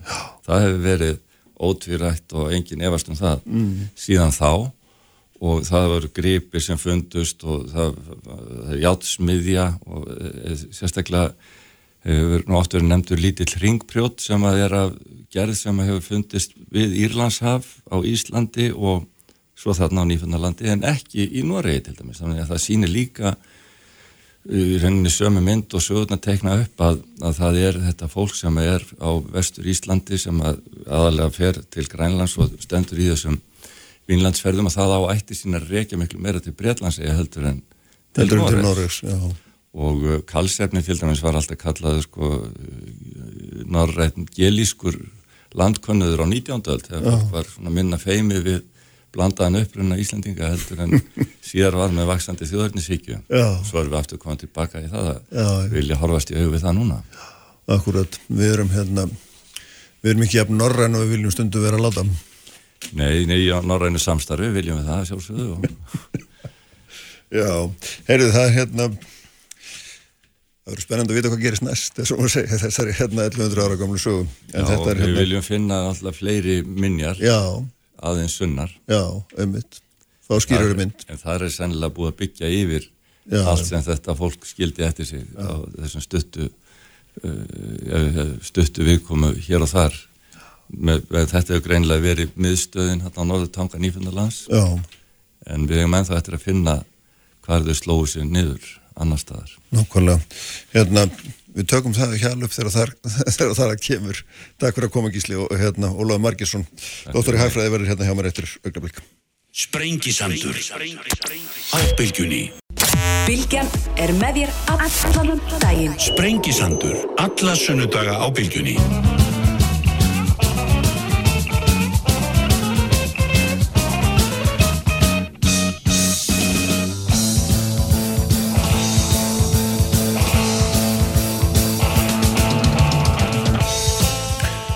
Komið sælir eftir hlustendur Gísli Sigursson, rannsóknarprofessor við stofnun Áða Markarssonar fræðin frá mér eftir þetta fróðlega yfirlit um þessar miklu vestur farir Íslendinga og, og hérna og annara þarna fyrir einhverjum 1100 árum merkilegt. Svo ekki sem meira sagt hvernig þetta, þetta allt hefur þróast. Nú uh, uh, þau verða hérna í lokþáttarins Hanna Katrín Friðriksson og Aðalsteit Kjartansson ætlum að fjalla þar um um, fjárfstingar uh, sjárhaldsfyrirtækja í óskildum atvinnrekstri, þetta er skýsla sem að Hanna Katrín baði sjávarútasráð þeirra um á sínum tíma og hann svaraði að mista einhverjum hluta en stundin svona tók á hann um ómækið og, og kláraði svo litið vinnuna og, hérna, og teiknar þarna upp mikið köngul og net sem við ætlum aðeins að, að fjalla um. En í símanu hjá mér uh, Sunnun og Sviss er uh, Ólaður Margisson, doktor í Hagfræði, sætla blessaður Ólaður Sæljóftur. Eh, Mér langar aðeins að heyri þér vegna þess að hérna, þú erst þarna úti og ert svona að horfa á Íslandaldi svona með þessu glögga gests auga og hérna hefur margt verið að skrifa bæði um, um húsnæðismálinn sem hafa náttúrulega mjög verið í deglunni en líka svona aðeins um þessar horfur sem við erum að, að sjá hérna vaksandi verbólgu, hækkandi vexti og, og svona hérna og allt þetta, ég minna, og mér langar aðeins að svona fáið til þess að varpa glöggu auga á það sem þú sér svona í nánustu framtíð á, á þessum sviðum, við höfum séð þetta að fastegnamarkaðin hefur kert upp verðbólgu sem aftur hefur orðið til að, að vextir hafa þurft að hækka og hérna, skuldir aukist og, og sumi kalla þetta svona vítarhing sem við erum lendi. Hvernig, hvernig horfir, horfir þú á þetta? Ég held að þetta sé nú svona sérstaklega kannski varandi þetta er alltaf snertir mjög á hverju öðru sérstaklega út af, út af því að fastegnaverð er hluti af nýsluverðs vísitölu, altså egnaverðið um, í mjög skömmu og svona stuttum málið þá er allt útlitt fyrir það að fastegnaverðs hækkanir hafi eða eru mjög því að toppa Uh, við sjáum sem dæmi að það er, það er að minka útlánin frá uh, böngum sérstaklega sagt, til, til fasteina kaupa. Á sama tíma er þeir rétt byrjaði núna sem sagt, netto er, er aukningin hjá þeim til fasteina byggingar uh, líka. Hún var, sem sagt, netto var, var voru þeir að veita neikvæða lán, þess að uppgreðslur frá byggingavertökum voru meiri heldur en lántökur hjá byggingavertökum hjá böngunum á Uh, já, senkt á síðast árið sem dæmi og á sama tíma þá er veldan líka á fastinamarkaði að minga og á sama tíma síðan samhliða öllu þessu þá er uh, Selabankin byrjaður að hækka stýrivexti aftur sem hefur mjög mikil áhrif á fastegna verð síðan þegar rauninni kúfurinn uh, þannig að séði í, í fastegna verði hann, hann lækkar aftur þá mingar mjög hratt svona hversu mikil áhrifin eru að fastæðinverðs hækkun á vístölu nýsluverðs og þar með á verðbólku bara sem dæmi þá má nefna það að verðbólka í dag er kringum 4,4% og eitthvað í kringum 1,5% eða rúmlega það er vegna þess að fastæðinverð hefur hækkað síðust árið. Mm. Þannig að þú, svona, þú sér þetta ekki, ekki sem einhvern þetta ástand sem núna er einhvern svona spíral sem heldur áfram, heldur eftir að spá því að hérna að, að svona að þessi hækkunabilgja hún hjaðni og, og, og, og svona ástandi jafnist. Já, já, alveg, og það lítur út fyrir það, sérstaklega, sko, hugsaði bara út í það sem, bara sem dæmi, um, breytt á verðbólku, það er að segja uh, hlutfall uh, vöruflokka sem eru í, sem sagt, uh, vísitölum næsta verðs, sem eru að sína meira en 2,5% hækkun á ári. Þetta hlutfall var, það eru kringum 200 hérna, undir vísitölur í vísitölum næsta verðs og í, í byrjun þessa árs þá varum um svona 70% af þeim að sína hækkun á áshækkun yfir 2,5%.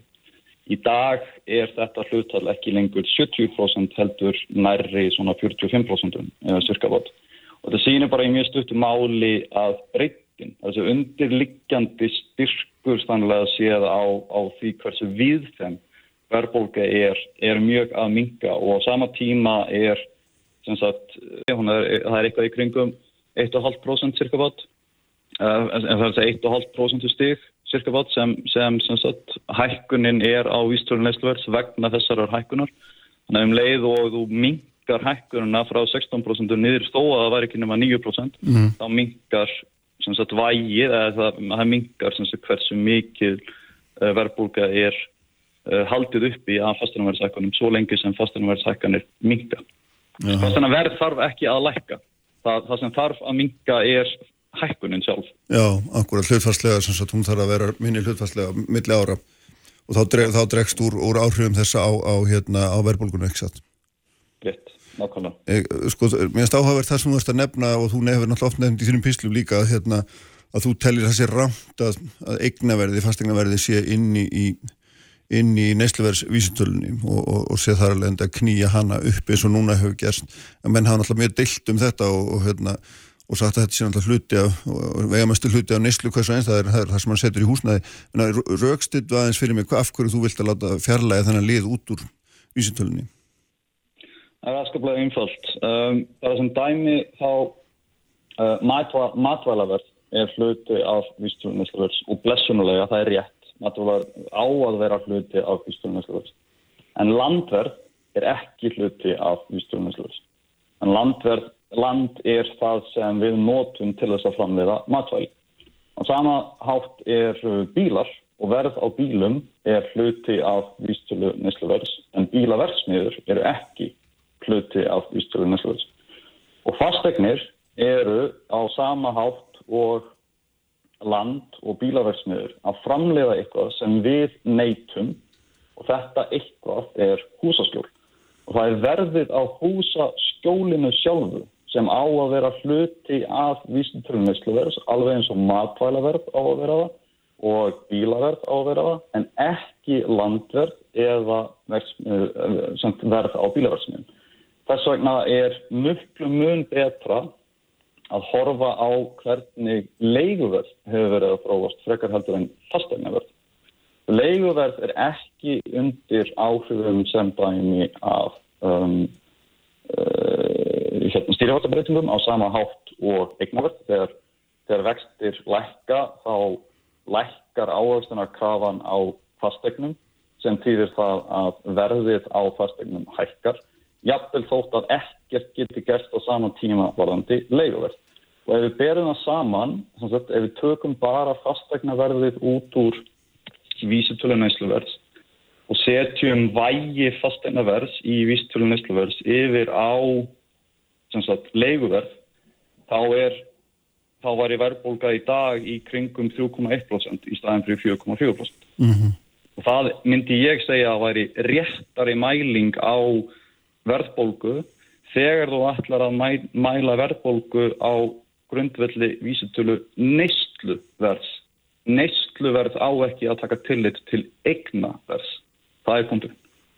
Og, og, og að því þú talar um húsaskjól og, og nefnir, nefnir leigu, en það býr náttúrulega mjög mikill minni hluti fólks í leigu íbúð og fólk er að greiða náttúrulega af lánum. Það, skiptir það þá yngum álega þessu samingið eða hvað?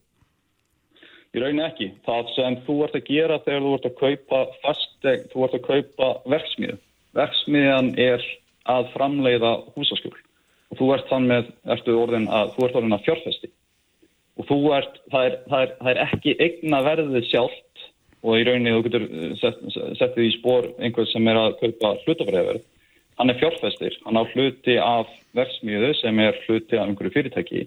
Og samahátt er ætti hlutafræðverð ekki að vera hluti af vístölu nýsluverðs alveg eins og eignaverð af fastegnum á ekki að vera hluti af vístölu nýsluverðs mm. og jafnveg þótt að þú sést með sem þetta eins og í dag markaði en þannig að það sé um, að miklu leiti til er þetta sem sagt, uh, sem sagt þú, þú býrði þín eigin, eigin fastegn, það er um 70-75% af, af, af hérna, fólki á Íslandi sem býr í eigin fastegn í staðan fyrir að leiðina, þá ertu eftir sem áður að kaupa húsaskjól af fastegninni sem þú átt. Þannig að þú ert í rauninni að kaupa húsaskjól af sjálfnöður. En það er eftir sem áður er markasverð á þessu húsaskjóli og það er leigverð.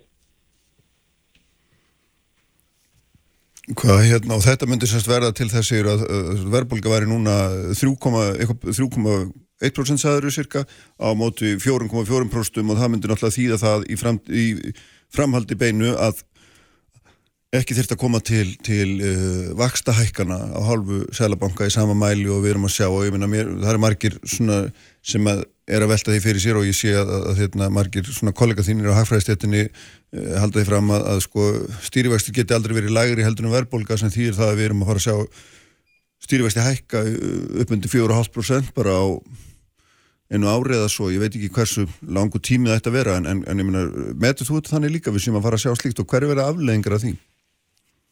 Uh, nei, það er það er bara einfallega því með ekki rétti og horfir á bara reynslu annara landa eða hagkjörfa að stýrivextir verði að vera jafnháir eða, eða herri heldur en verðbólka. Bara það er nóg að horfa á síðustu tí, rúmlega áratug, cirka bát. Uh, og þú horfir á bandarækinn, þú horfir á Evrópu, uh, Japan uh, í síðustu 30 ár um það vel. Þannig að það er ekki, það er ekki svo að raun stýrivextur verði að vera jákvæður fjörði því. Það er ekki, ekki að þannig að þínum að því. Þannig að við þurfum ekki svona þeir sem að þessir almennu svona íbúa skuldendur þurfum ekki að hafa, ekki að hafa hérna svona áhyggjur af því að að þeim vakstabreitingum sem að hérna myndi fylgi kjölfara slíkum stýrivextahækkunum. Vakstabreitingar geta á þessu stað ef Sæðlabankin sér fram á það að hann þurfi að berja skemmt því að verðbólka lækki niður í markmið sama hver verðbólka er í dag. Þú getur verið með 10% verðbólku í dag, eða 15%, eða 20%. En ef Sælabankin metur það sem svo að innan ákveðins árs miðað við núverandi varsastig að verðbólka verið komið niður í markmið eftir kannski um það beil 1,5 eða 2 ár, þá er lítil ástæði til þess að hækka stýrfasti.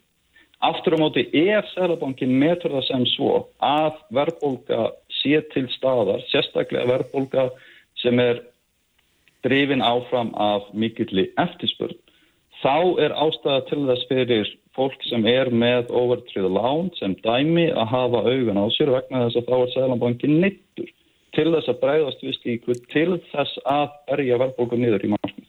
Það fyrir eftir í hverju væntingarna eru og hverjum tíma en ekki hver verðbólgan er á hverjum tíma. Skilði, en myndur þú þá ekki segja að þú væri með þess að segja að tala inn í þær væntingar sem eru núna að, að hérna, Sælabankin neyðist til þess að, að hækka vest til þess að slá á, á einmitt á eftirspunnalíðina.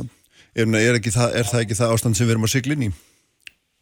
Að einhverju leiti gætan þurft að gera það en hvort hann farið upp í 4% eða, eða, eða minna með, altså, ef hann farið sem dæmi upp í 4% þá er hann komin upp í vaksasteg sem hann væri á, sem var á í kringum 2018 eða svo, ég man ekki nákvæmlega hver tala var, mm -hmm. en það fer óbúslega mikið eftir því sem dæmi hvernig og hversu mikið fastegnaverð, fastegnaverð hækkanir munu draga saman á næstu, já kannski missurum eða svo, næstu kannski 12 mánuð eða cirka bát. Og á saman tíma náttúrulega líka þá skiptir máli hvernig uh, til dæmis ferðarþjóðum sem gengur. Uh, það er, mikilvægt að hafa í huga sko, Íslands, eh, Íslands hagkerfi hefur breyst mjög mikið eftir hrun sérstaklega. Ferðarþjónastan í dag um, og bara útflutningsgeirin sem, sem held hann er nægilega stór og rauninni sem sagt, já bara nægilega stór til þess að framlega nægilega mikið gældir til þess að halda viðskiptajöfnuði í kringum 0 og eða jafnvel jákvæðum og svo lengi sem viðskiptajöfnur er í kringum 0 eða jákvæður þá er frekar þrýstingur á gengi krónar uppafið, það er að að gengi krónar styrkist til langstíma sem að sálsögðu líka vinnur gegn verðbólku, sérstaklega varðandi innflötta verðbólku. Þannig að þú ert svona bara hérna, þólanlega bjart sínum að, hérna, við syklum út úr þessu svona smá olgu skeiði núna í, í hérna, bara þokkalegt jafnvægi. Ég held að, já, ég held að það sé tiltörulega svona kúfur en hann gæti ílengst eitthvað uh, fyrir eftir því hversu mikið sem dæmi uh, ráverðis hækkanir eru til staðar uh, erlendis, ólí og svo framvegis kopar, um, olíverð og, og koparverð sem dæmi hafa hækkað sem, sem ítir upp framleysluverði sem síðan ítir á framleyslu kostnad og þar með á þrýsting frá frambóðsleginni til þess að hækka verð. En á sama tíma þá er uh, útlýtt fyrir það sem dæmi að uh, ferðamanna ferðamann Geirin á Íslandi hann muni ná sér og hann er endur búin að ná sér mjög vel Eh, við sjáum bara sem dæmi að velta á erlendum kortum á Íslandi í dag eh, er í svona í kringum 2017 uh, magnir uh, um það byrj.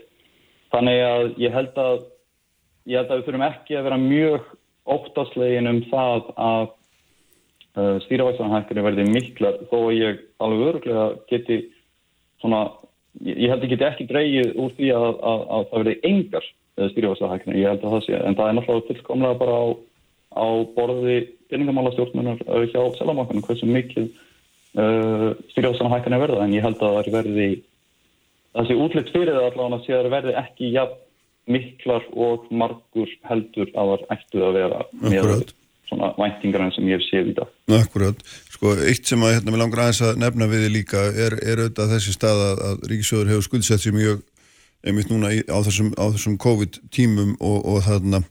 Og menn þekkja reynslunni að, að það er svona oft kannski tveimur, þreimur árum eftir að, að Ríkisjóður hefur verið mjög rausnalegur þá, þá vakna kröfurum að, að hérna menn þurfa að þá þurfa menn að fara að skera aftur nýður og, og víða þetta verið gert í gegnum gegnum tíðina, ég meina sko, hvernig metur þú þessa, þessa stöða því nú sá við erum nýfarni gegnum kostningar þar sem að hérna lofa var að byggja stóra málaflokka miklum krafti, helbriðiskerfi mentakerfi og sem á standundir hægvesti hérna 2001. aldarinn og svo framvegis, er, er svegrum til þess eða, eða hvernig, hvernig lítur á þessa stöðum?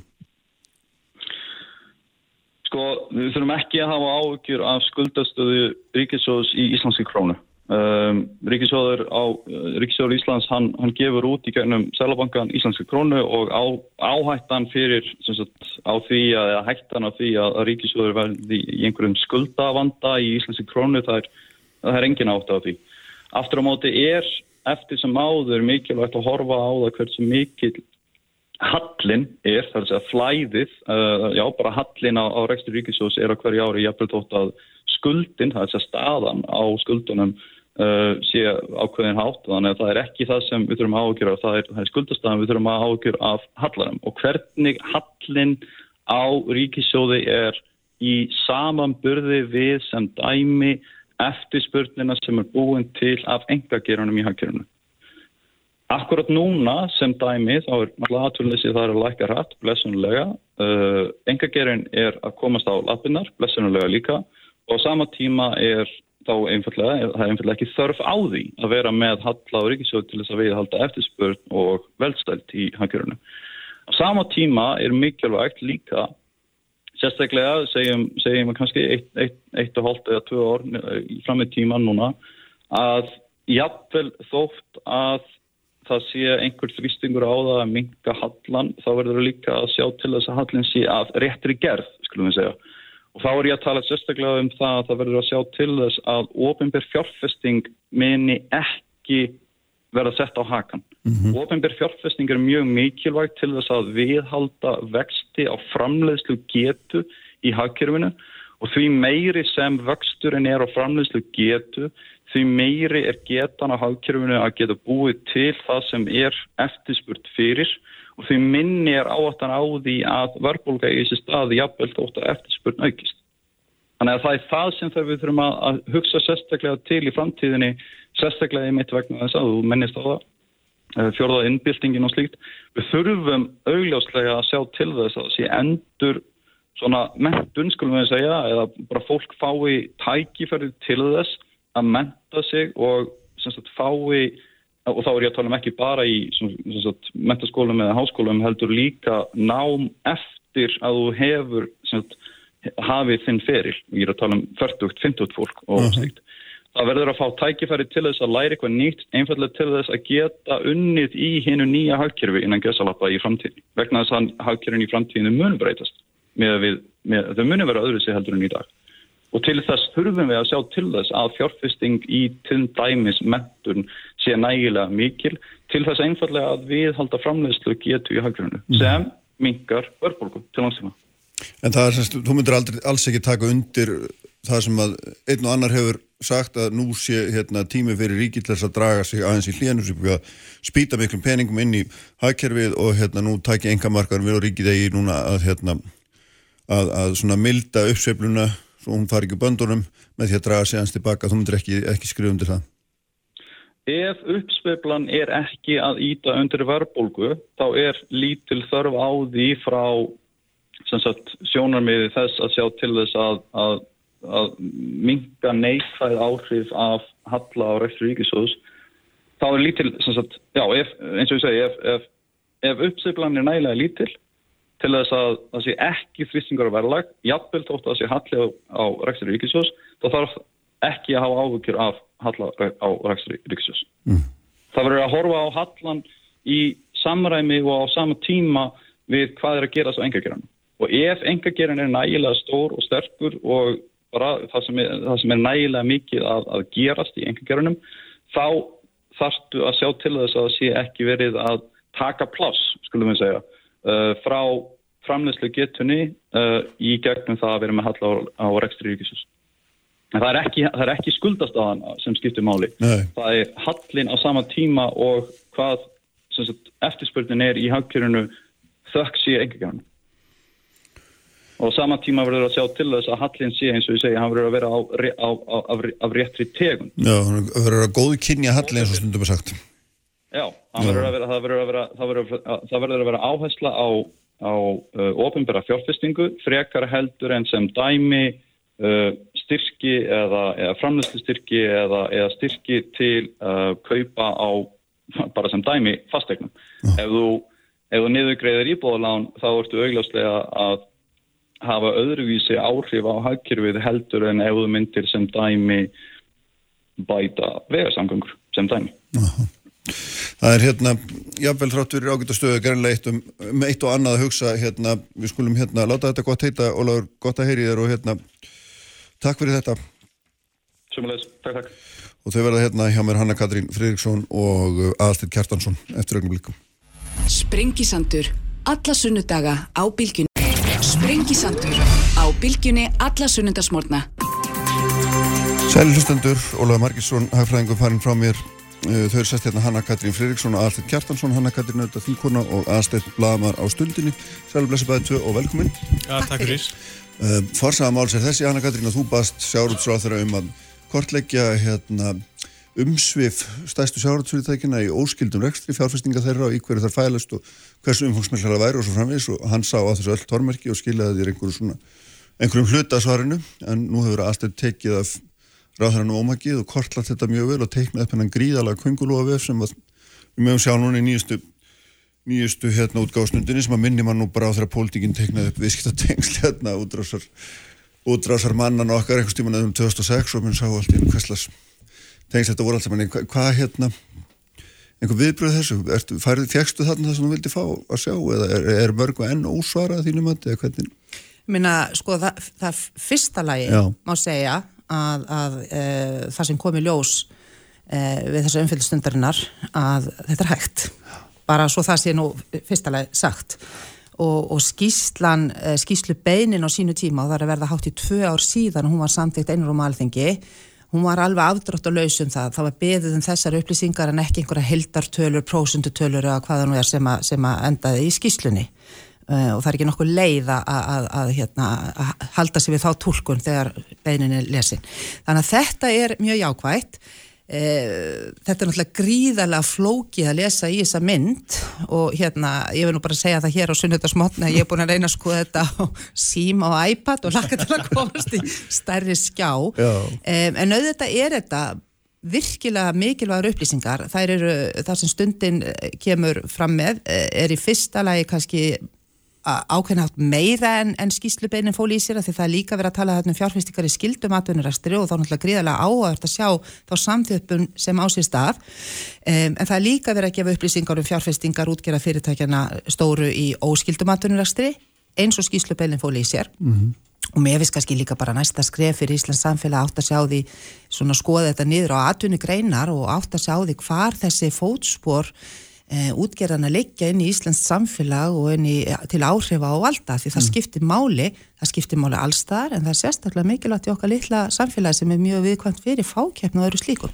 Mm. Þannig að þetta er mjög jákvæmt að ég fagna þessu mjög en að samaskapi þá, þá verður spurningin ennþá meira kníjandi náður hvernig stendur á því að stjórnvöld skiluð ekki umböðinni upplýsingum. Já aðstönd þannig að sko getur maður að dreyja þá svona heildar álistuna þinni vinnu að þetta, það sé að mynda þarna einhverja þrjár svona megin blokkir er þetta ekki, myndur maður ekki geta svona úr þessum gríðarlega vef og að mhm. teikna upp og er nú bara alls ekki einfaldur að skoða en þá sínist mér það svona að vera cirka stóra myndin er það ekki? Jú, uh, það er algjörlega svo mynd allavega sem að, sem að ég sé út úr þessu mm. uh, og að því að Hanna Kata er að, er að nefna það að ég skoða líka sko, fjárfestingar í atvinnugreininni sjálfri Já. og það var náttúrulega kom fljótti ljós að var nöðsynlegt að því að cross-segna tengslinn innan sjáratöksins eru svo mikil og hlutdeild einhvers útgerða fyrirtækis A í einhverju fyrirtæki sem er í óskildun rekstri fer kannski í, útgerða, í gegnum útgerða félag B mm -hmm.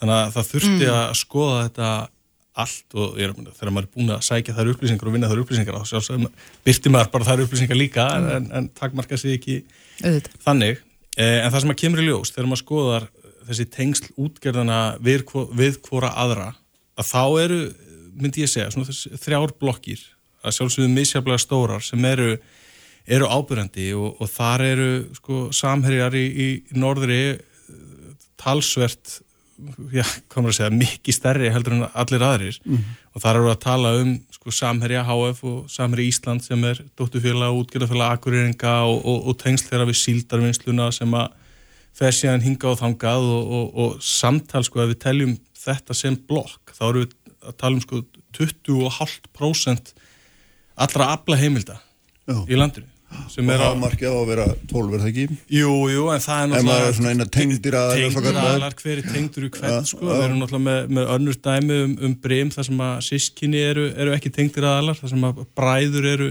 hafa náða slíta á sín tengsl en eru samt sem áður að sjálfsögðu en þá bræður og en, en þá með, hérna, í, í, í sama fyrirtæki og, og þar samt í gödum þannig að, já tengdir aðlar og tengdir aðlar, hver eru það? Ég, ég veit ekki, en þetta er allavega klárlega þær blokkir sem er að tekast upp þegar maður skoða þetta neitt. Var þetta ekki þannig hérna, sem maður reyfi þannig upp að í landsbókanu fyrir hrun að, að tórsmunum að komaði þannig fyrir að Björgólu Tóru og Björgólu Eldri væri ekki tengdir aðlar í viðskiptarlegum skilningi.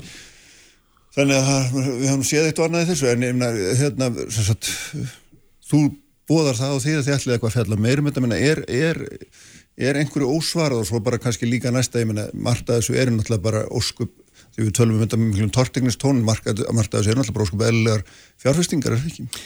Jú sko, eh, þú veist, akkurat, ef við tölum um þetta almennt, þá má bara segja að það sé jákvæmt og gott að fyrirtæki sem er í heilbriðurinn rekstri og eiga rekstra ágang og þau fjárfyrst út fyrir sína grein til að dreifa áhættu. Ég menna þetta er bara svona einhver... Ja, einhver upp hennu fyrirtæki já, og svona. Já, já, algjörlega. En, en í þessu tiltekna dæmi sem varðar stóru sjárótusfyrirtækin okkar, þá er bara þessi staðrind að það hefur í áratvíi staði styrum e, það gjald sem þau skila til samfélagsins fyrir ótímabundið engaleifi á nýtingu sjávarafurna.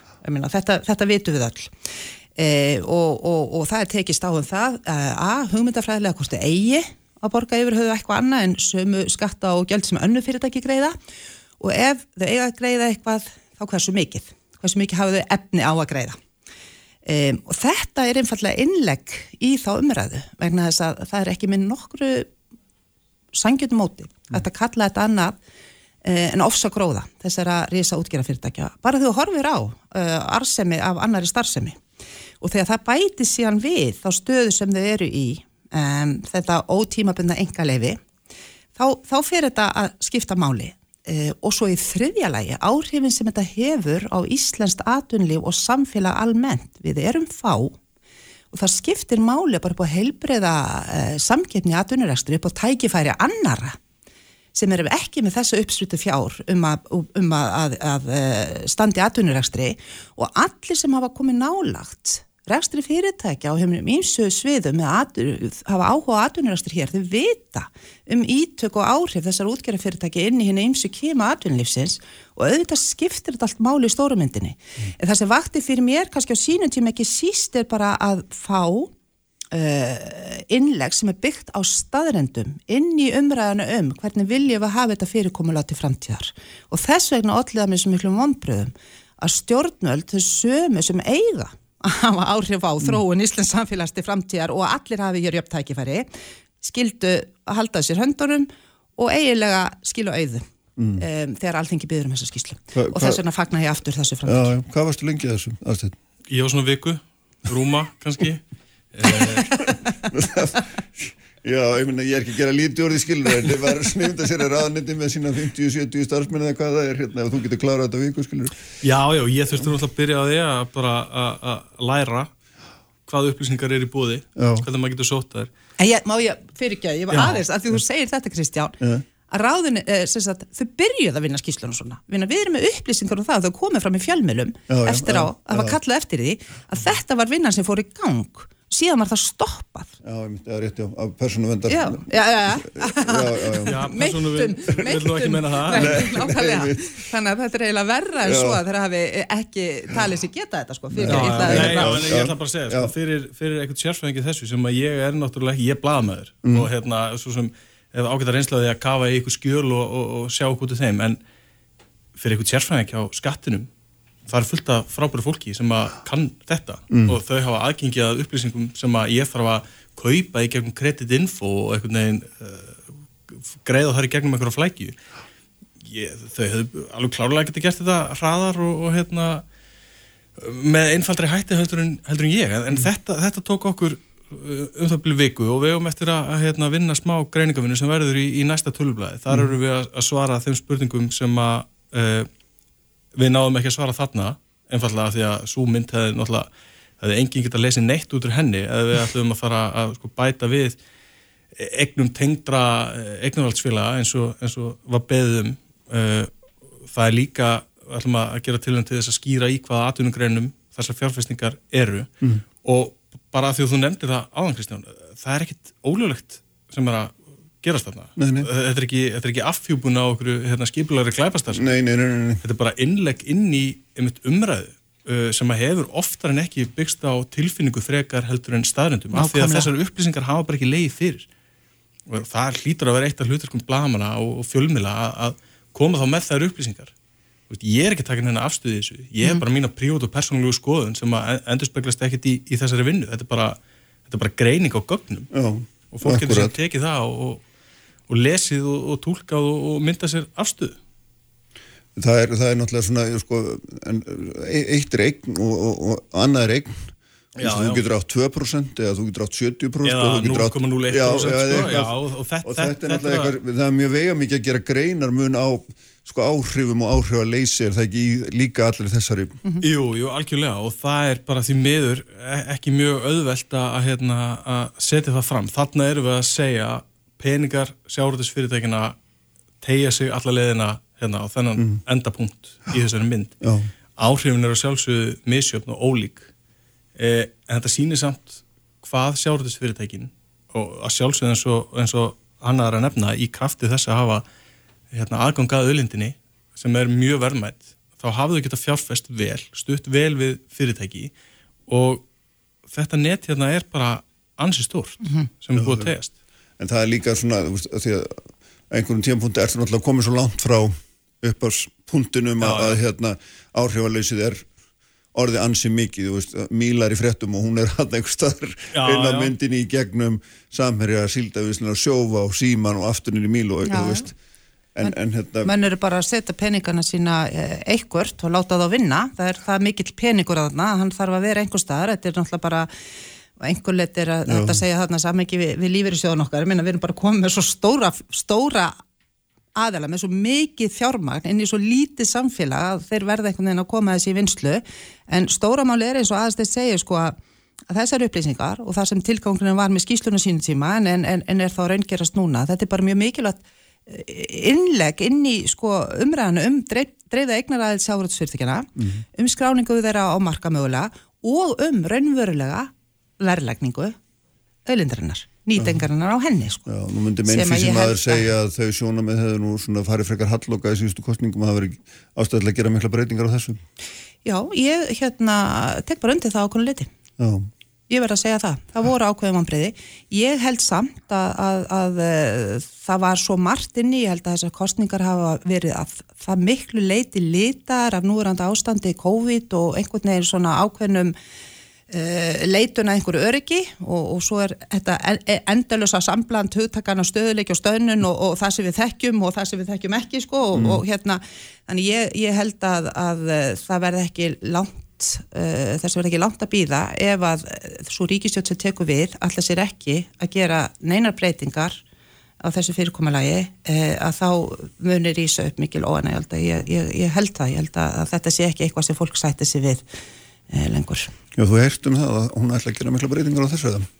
Ég hef bara ekki heyrstu neitt, ég hef ekki heyrstu manna, þau, þau eru, þau eru virðast ennþá hérna þremenningarnir vera lítið baksinn spilin og reyna aftur sagði hvernig þau geta leist, leist fortíðavandan, en það lítur að koma að því að fara að huga framtíðinu fyrir Íslands samfélag. Aðstætt sko þarna að því að við vorum að tala um svona áhrif og áhrif að leysi þá er náttúrulega líka sko leðinda hlutir eins og hérna, bókvært virði eigna, þetta skiptir mjög miklu máli hérna, í þessu þess að þetta vitum við það að kvóti er bókværður og mjög lágu verði oft á tíðum en er miklu meira virði og svo er vafa lítið alls konar um hlutabrið þau eru bókværður lágu verði og eru mikilsvirði og svo framins þannig að myrna, hver, er, hver er hinn raunverulega áhrif? Þetta er auðvitað svona Það eru bara, og, og, og ágæta að, að hérna, það kom bara fram, það eru bara upplýsingar sem að ég hef enga leið til að nálgast. Mm. Bókart við, jú, ég get sé hvað hérna, eitthvað skráði ársreikningi sem skilaði eitthvað tíman og eitthvað tíman og, og það er náttúrulega misjátt hvenar, hvenar þeir koma uh, og það eru upplýsingar þá marga mánuði aftur í tíman en þetta eru ekki upplýsingar sem að uh, blaðamenn eins og ég getum, getum sótt. Og það sást líka í, í þessum vinnugögnum skattsins, það sem er verið að fara yfir þetta. Þar er, þar er oftar en ekki bara sett null á bókvært virði einhverja egna af því að skatturinn sjálfur getur ekki áallega þetta sko. þannig að það er bara, ég held að sé engin leið að fá einhverja vitrana tölu í- svar við þessari spurningu sko hversu virði eru, eru allar þessar fjárfæstingar nei Það er kannski eina álittun sem er uh, hægt að draga að, að, að, að tala henni herri en svo sem þú nærðu upp. í Það er mjög ólíklegt að að skjóta yfir. já, Ég meina, ég bara með það sem ég hef skoðað sko, þú, veist, þú, þú, það er- þú ert ekki að fá tölur sem eru ofmetin en þú ert ekki að fá einhverja tölur. Ég held að það sé, En, en vonast þú til þess að ég skilir rétt að hérna, þessi þessi vefur verði til þess að hérna, að umræðanu veili á gjöldin hérna, fari í þér þóknalari sagt, það er, það er, það er, hérna, það er stóra myndin eða hvað? já, já, eða veiðilega gjöldin, ég er svo sem ekki sérstakur aðdáðandi þess fyrirkomlas, ég myndi freka vilja sjá hérna, eins og þú veist held ég að að við finnum út uh, rétt að því veiðilega gjöldin, þessi formúla sem núna getur minn, hún er bara smíðuð í ráðunetti pólitík og það er hægt að leika sér með það fram og tilbaka til þess bara stjórnvöldum eftir því hvernig vindablása til þess er Ég- ein, einmitt. Þannig ég myndi vilja sjá hérna, ég, já, ég, ég ætla að trúa á, á uh, því að, að það verði breyting á. Ég held að, að þetta fyrirkomulag sé, hafi runnið sitt skeið og enda og, og það e, sjáu það sífælt fleiri. mm. hérna, rétt þannig við fyrir að ljúka sagðast ég meina, sko, þú ert búin að greina frá þetta að kaupa upplýsingar og kreditinfo og þú fáur ekki bók, hérna, raunverði egna, ég meina rekstu á er þetta tómur veggi sem þú ert alltaf að lemja í eða, eða, eða, er þetta aðgengilegt að maður kann þetta vel eða hvað, hvað svona Sko, þú þarft að vera með peninga til að gera þetta. Já. Það er búið að taka út upplýsingar uh, úr ásækningaskrá sem eru ofnber, tildulega nýlega að gera ofnber Mm. og svo er, er farið í það að, að taka burt upplýsingar um, um, um eignarhald þessara fyrirtækja og skráningum raunverulegt eignarhald sem að, að, að hérna, var svaka skref og hérna, laðist þungt á, á bara félagsamtök og íþróttafélag að- fylla út. segið er yfirleitt ekki neitt sko. Nei. það er mjög gjarnan sem að raunverulegur eigendur eru, eru, eiga ekki neitt í fyrirtækinum, eru bara stjórnendur, eru, eru fælega ráðnir hérna, stjórnendur, hvort það eru frangandastjórar eða, eða stjórnaformen eða e, þar eftir göttunum. Í gegnum Kretinfo, af því að þessum upplýsingu þarf að skila til skattsins e, og Kretinfo er með, með samningu skattin um að, um að fá þessar upplýsingar, að þá get ég farið til þess enganfyrirtækis og kift þessar rófnböru upplýsingar og unnið úr þeim e, sem blamar, þá náttúrulega get ekki hann að setja heldur en að það er náttúrulega algjörlega galið að ég þurfa að fara að kaupa ofnbæra upplýsingar af einhverjum öðrum. Mhm. En það er raunin. Og þetta kostaði alveg hellinga peningum. Blessunlega er það ekki minn hausverkur, heldur er frangatastjóri í stundinni sem, a, sem að þarf að hafa þann hausverk, en ég, ég bara veit það, ég er að vika af mínu tíma fullt af peningum til Credit Info, fullt af peningum eh, hingað og þangað. En þetta er hægt. Já. Skatturinn hefði getið gert þetta frítt. og dreift þessum uppsingum til okkar sem ég hefði getað svo að lesið úr hérna sko áður en við farið hérna Hanna Katrínu því að hérna ég var eins búin að ræða um, um þessa frægu undibúnisnefnd Kjörbrefa kjörbrefa nefndar sem þú sittir nú í líka Áverðnafulltrú, já Já, einmitt og þau voru hérna eins og viðfrétt bæðið tvö hérna í morgunum hvernig meðið þú stöðuna? Er, eitthvað, er þessi nefnd að komast að einhverju niðurstöð finnst þér eða er hún bara þá syndandi í Sko, Í það, myrkri? það, nei, ég, sko, það styttist í að, að undirbúinisvinni sér lokið þannig að við verðum að fara að tala okkur átt að niðurstöðu. Ég myndi segja það og ég held að næsta vika sé, sé hérna svo vika sem það gerist. Það er ennþá einhverju fundir eftir það sem vantar einhver gögn og einhver leitum að segja að það sé að skýrast sko ímislegt en, en það líka skýrast eh, að það er ákveð holrúmarna sem við náum í gjötunum og ég vinnan sem eftir er fer bara í það hversu afdreifaríkt er það holrúm. Teljum við að hafa allt áhrif? er það, er, meina, það er bara ákveð tímabil í, hérna, sem, sem líður þarna frá uh, fyrirtalningu og fram að setni Mhm. sem að svona hérna er, það eru gloppur og, og, og síðan held ég að þetta snúist bara um það hversu afdreifaríkt verður það ef það er ekki skýrt nánar uh, og alltaf verður þessi spurning er nóg að það kasti vafa á uh, meðferðmáls eða Mm. þarf að sanna að það hafi haft einhver áhrif. Þetta er Já. svona þessi svo kallaða sönnunabyrð og svo öfug sönnunabyrði Já, hérna. ég meina þetta er bara svona ég held að sé uh, þetta er bara, þetta er háalvarlegt og mjög flókið viðfársendni En það er sem sagt tíminn hann á milli þessara tveggja talninga Mm. þar sem að vita er að gögnin voru á tilteknum stað, vita að þau voru ekki innsikluð Mhm. og svona lágu tvist og bast, Mhm. en maður voru orðað þannig Mhm. og einhverju gátu gengið að þeim, Já. en það er það tímabil sem þeir eru að horfa á. já, já, svona, já hluta þess tímubils, já Já. og ég, sko þessari nefnd uh, svo vinna sem hennar býður og, og sérst, lokaskrefið og síðan alþingis, þetta er ekkit grín sko, af því að ég held að sé alla líkur á því að, að við þurfum uh, lögum sangkvæmt að komast að einhverju niðurstöðu og við munum þurfa að, að tala okkur að henni á þess að hafa algjörlega skýra sína því hvað gerist. Ég óttast það sko Hvað segir aðstæð, hvernig líst þér á þetta? Ég er bara svo fegin að vera að, að, að garfa í sig. ástöðum og sig, nógu flókið er það en, en, en Guð hjálpi mér að það þurfi ekki að skýra það hvað gerðist í, í, í, í lokuðu herbyggi með ein, engri myndaður Nei. Það er, Nú og verður hvað við teljum að það hafi haft mikil áhrif. Akkurat, leggja eitthvað mat á það. Nú mun rittstjórn taka þau orðin og setja þér ansvarnarvinnu við að skýra holrúmið, skilur Jæja, jæja Heyrði, þakka ykkur fyrir að láta sprengisandunum lokið að þessu sinni. Var Davíð Haldursson stýrði þetta útsendingunni allt efni á vísi.is og bylgja.is og svo þar sem við finnir hlaðvörpun ykkar svo verðum við hérna aftur með ykkur félagarnir eftir viku. Verið sæl